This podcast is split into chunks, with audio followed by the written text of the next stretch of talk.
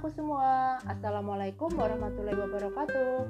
Ya, pada kesempatan ini kita akan belajar melanjutkan materi sosiologi mengenai pembentukan kelompok sosial di masyarakat.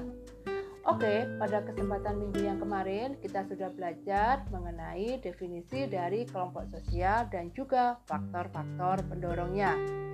Pada kesempatan minggu ini, kita akan melanjutkan materi pembentukan kelompok sosial yang akan kita bahas, yaitu tentang faktor-faktor kelompok sosial yang mempengaruhi terbentuknya dan juga bentuk-bentuk apa saja kasih kelompok sosial yang ada di masyarakat.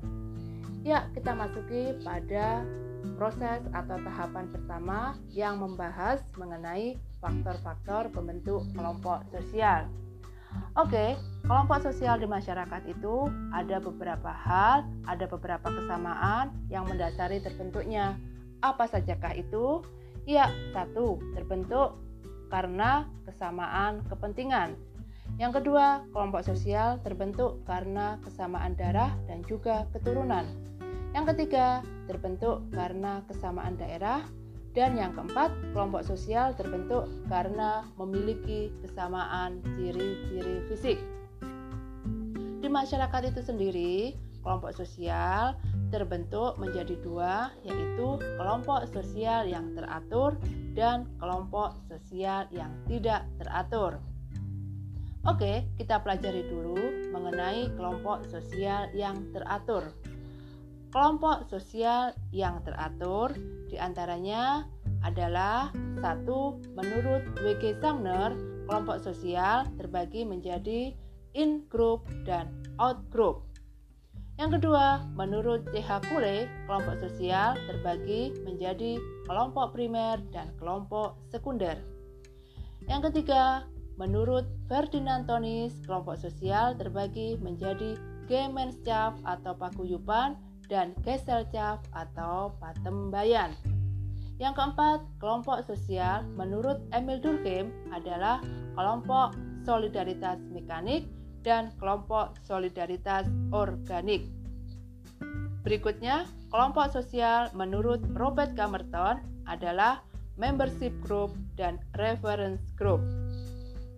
Oke, kalau di awal atau yang di atas tadi, Bu Ana telah menerangkan mengenai macam kelompok sosial yang teratur. Sekarang ada juga kelompok sosial yang tidak teratur. Apa sajakah itu? Kalian ingin tahu? Ya, satu, ada kerumunan, dua, ada masa, dan yang ketiga, ada publik. Oke, sekarang kita mau mempelajari atau memahami mengenai kerumunan. Apa sih kerumunan itu?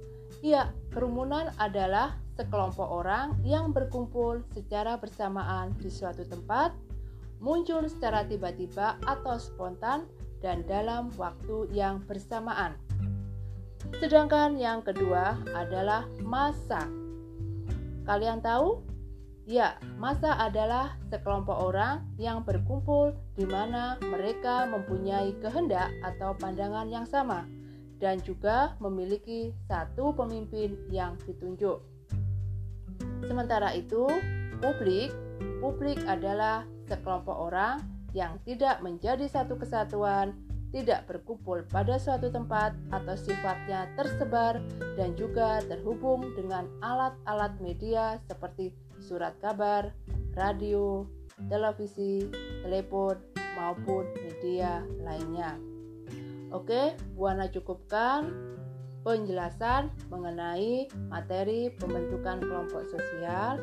Kita ketemu lagi untuk materi berikutnya. Selamat belajar, tetap semangat, dan juga selalu menumbuhkan rasa kecintaan pada pembelajaran sosiologi. Akhir kata, wabillahi taufik, walidayah, wassalamualaikum warahmatullahi wabarakatuh.